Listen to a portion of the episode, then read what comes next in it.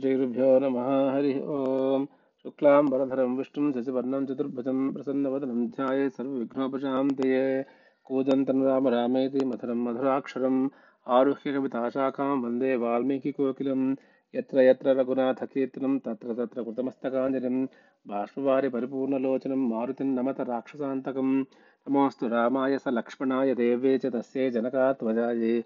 नमोऽस्तु रुद्रेन्द्रयमानिलेभ्यो नमोऽस्तु चन्द्रार्कमरुद्गणेभ्यः इयं सीता मम सुता सह धर्मचरीतवा प्रतीच्य चेनां भद्रन्ते पाणिं गृह्णेषु पाणिना अभ्यसिञ्चन् नरव्याघ्रं प्रसन्नेन सु- सुगन्धिना సలిలేన సహస్రాక్షాన్ వసవో భాసవం యథా ఇవాళ ప్లవనామ సంవత్సరం శు- శుద్ధ ద్వితీ ద్వితీయ ఆ, మంగళవారం ఇవాళ ఉమ్, పొద్దున పూట ఆ, బాలకాండ పారాయణలో తృతీయ సర్గ ప్రారంభం అథ తృతీయ సర్గ ప్రారంభ రామాయణమునందలి విశేషములు సంక్షిప్త వర్ణనము ఓం श्रुत्वा वस्तु समग्रं तद्धर्मात्मा धर्मसंहितं व्यक्तमेन्वेषते भूयो यद्वृत्तं तस्य धीमतः उपस्पृश्योदकं सम्यङ् मुनिः स्थित्वा कृताञ्जलिः प्राचीनाग्रेषु दर्भेषु दर्भे धर्मेणान्वेषते गतिं रामलक्ष्मणसीताभिराज्ञा दशरथेन च स भार्येण स राष्ट्रेण यत्प्राप्तं तत्र तत्त्वतः हसितं भाषितं चैव गतिर्या यच्छ चेष्टितं तत्सर्वं धर्मवीर्येण यथावत् सम्प्रविश्यति धर्मस्वभावोड् अयिन वाल्मीकि తనకు నారదుడు చెప్పిన ధ- ధర్మసహిత మగు ఆ రామకథ కంటే అధికముగా ఇంకను ఏమైనా రామచరిత ఉన్నదా అని పరిశీలించను.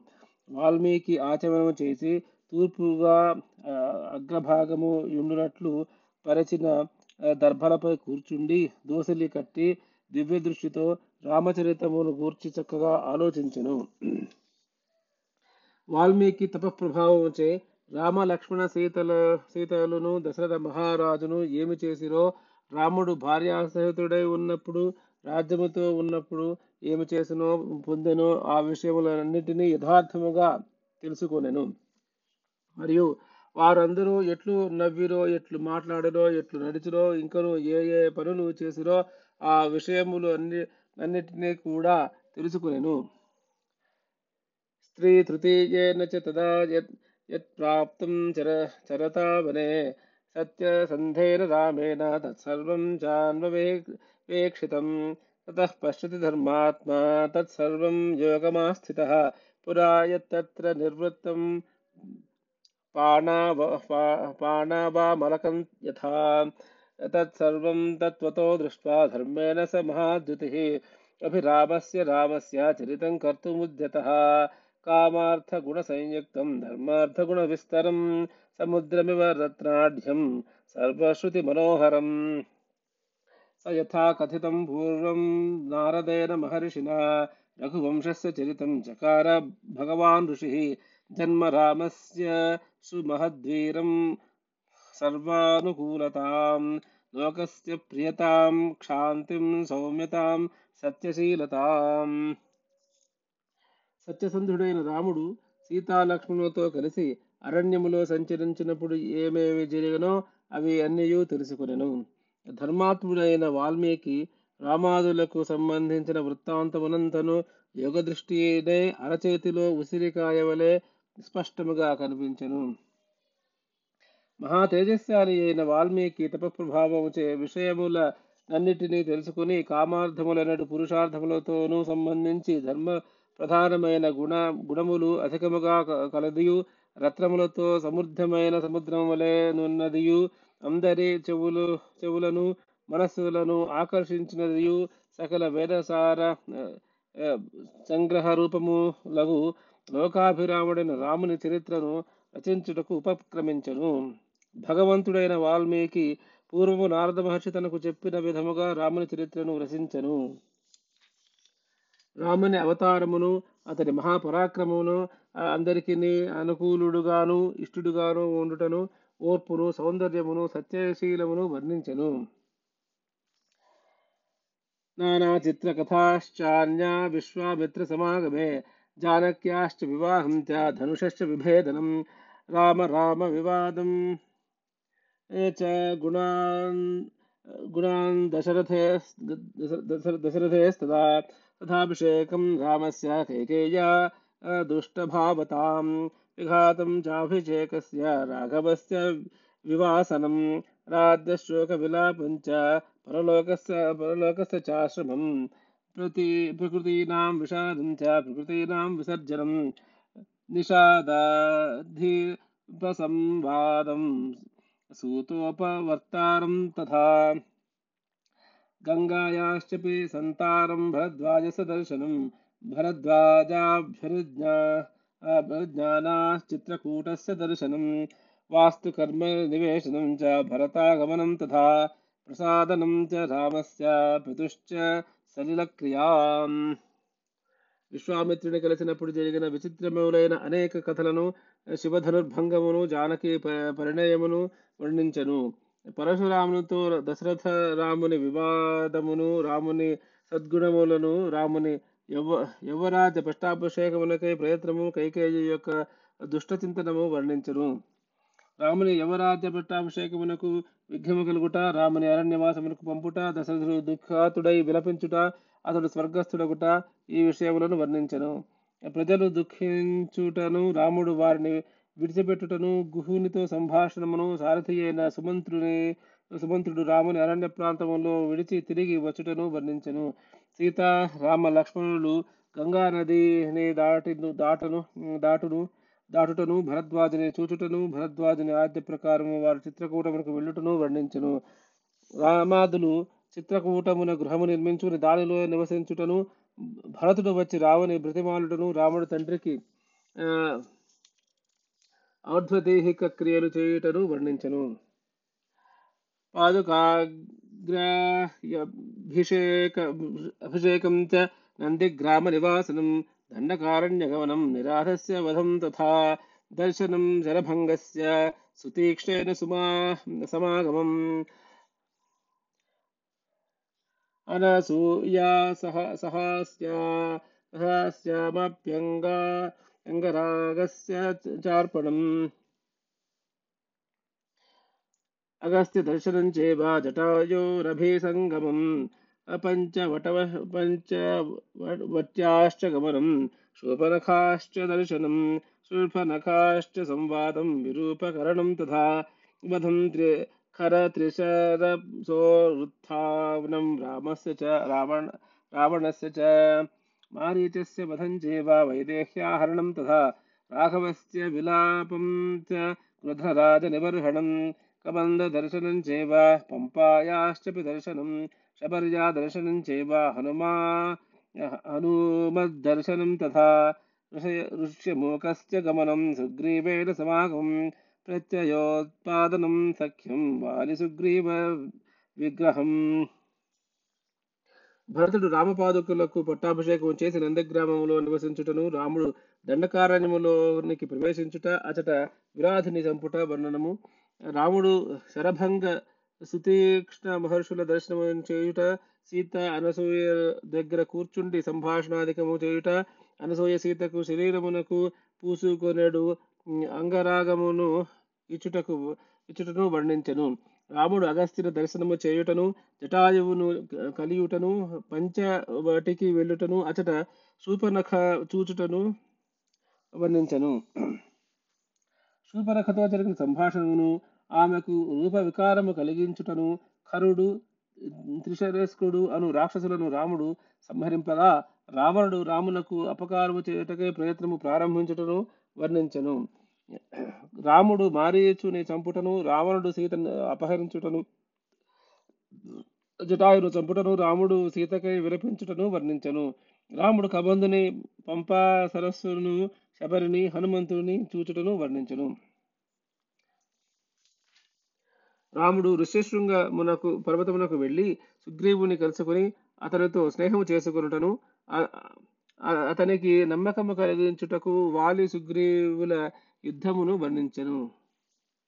వాలి ప్రమథనం చేవ సుగ్రీవ ప్రతిపాదనం తారా విలాపం సమయం వర్షరాత్ర నివాసనం కోపం రాఘవ రాఘవసింహస్య బలానాముపసంగ్రహం దిశ ప్రస్థానం చేవ పృథివ్యాశ్చ నివేదనం అంగుళీయకదానం చ ఋష్ బిరదర్శనం ప్రాయపవేశనం చాపి सम्पातेश्चापि दर्शनम्। पर्वतारोहणं चापि सागरस्य च लङ्घनं समुद्रवचनाच्चैव मैनाकस्य दर्, च दर्शनं सिंहिकायाश्च विधनं निधनं लङ्का लङ्कामलयदर्शनं रात्रौ लङ्काप्रवेशं च एकस्याथ विचिन्तनं दर्शनं रावणस्यापि पुष्पकस्य च दर्शनं అపాన భూమి గమనమవరోధస్య దర్శనం రాముడు వాలిని సంహరించుటను తార విలపించుటను రాముడు సుగ్రీవునకు రాజ్యమునిచ్చుటను రామ సుగ్రీవుల మధ్య సీతాన్వేషణమును గూర్చి జరిగిన ఒప్పందమును రాముడు వర్షర్తు రాత్రులందు యుద్ధమునకై తగు కాలము వచ్చు వరకు వేచి యూనిటను వర్ణించను. సుగ్రీవుడు ఆలస్యము చేయుటచే రామునకు కోపము కలుగుటను సుగ్రీవుడు వానరసేనను పిలిపించుటను వారిని నాలుగు దిక్కులకు పంపుటను సుగ్రీవుడు వారికి పృథ్వీపై నున్న వివిధ ప్రదేశములను గూర్చి వివ- వివరించి చెప్పుటను వర్ణించను. రాముడు హనుమంతుని చేతికి తన ఉంగరము ఇచ్చుటను వానరులు వృక్షబిలములో ప్రవేశించుటను వారు సీతను కానక నిరాశులై ప్రాయోపవేశము చేయుటను వారు సంపాతిని చూచుటను వర్ణించెను. హనుమంతుడు మహేంద్ర పర్వతం నెక్కి దాని నుండి ఎగిరి సముద్రములకు దాటుచు సముద్రమును దాటుచు సముద్రుడు ప్రేరేపింపగా వచ్చిన మైనాక పర్వతం యొక్క దర్శనము వర్ణి వర్ణించెను. సింహిక యొక్క మరణము హనుమంతుడు లంకలో ఉన్న పర్వతము యొక్క ఒక భాగమును చూచుటను రాత్రి ఎందు లంకలో ప్రవేశించుటను ఒంటరిగా ఉన్న అతడు ఆలోచన చేయుటను వర్ణించెను. హనుమంతుడు రావణ్ రావణుని అతని పుష్పక విమానము చూచుటను మద్యపాన భూమికి వెళ్లి అచట రావణాంతఃపుర స్త్రీలను చూచుటను వర్ణించెను అశోక వనికాయాం సీతాయాశ్చాపి దర్శనం అవిజ్ఞాన ప్రదానం చ రావణస్య చ దర్శనం రాక్షసీ తర్జనం చేవ త్రిజటా స్వప్న దర్శనం మణిప్రధానం సీతయా వృక్ష ఆ, వృక్షభంగం తథైవ చ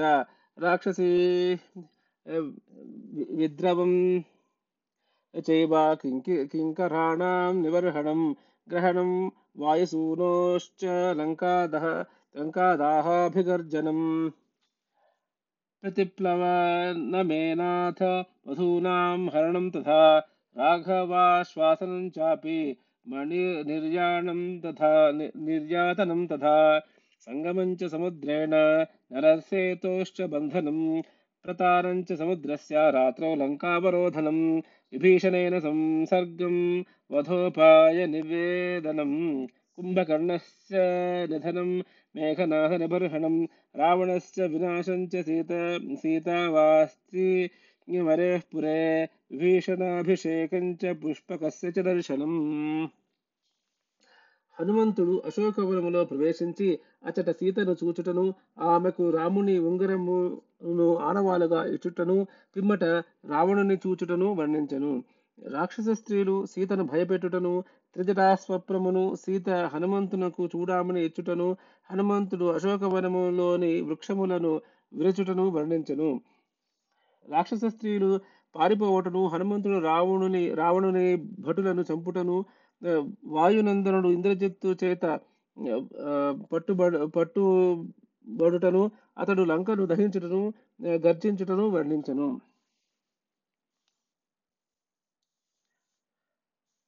అతర హనుమంతుడు మరల సముద్రము దాటి వెనుకకు వచ్చుటను వానరులలో వానరులు మధువరములో మధువును త్రాగుటను హనుమంతుడు సీత వార్త తెలిసి రాముని ఓదార్చి అతనికి సీత ఇచ్చిన చూడామణిని సమర్పించుటను వర్ణించను.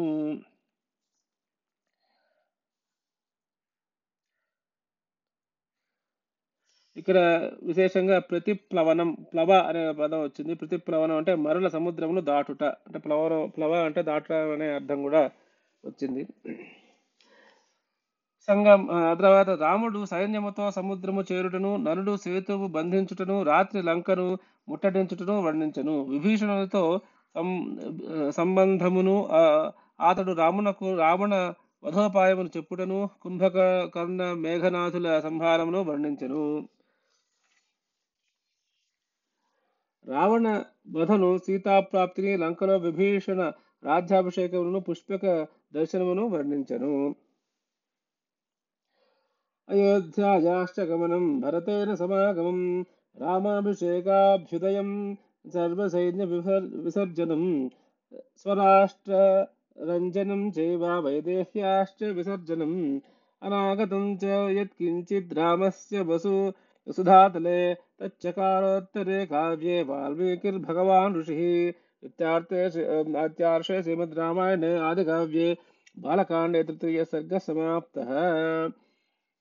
రాముడు అయోధ్య చేరి భరతుని కలి కలియుటను రాముని పట్టాభిషేక మహో మహోత్సవమును రాముడు వానర సైన్యమునంతను వెనుకను వెనుకకు వెనుకను పంపివేయుటను దేశములోని ప్రజలందరూ సంతోషించు విధమున రాముడు రాజ్యపాలనము చేయుటను సీతను చదించుటను వర్ణించను.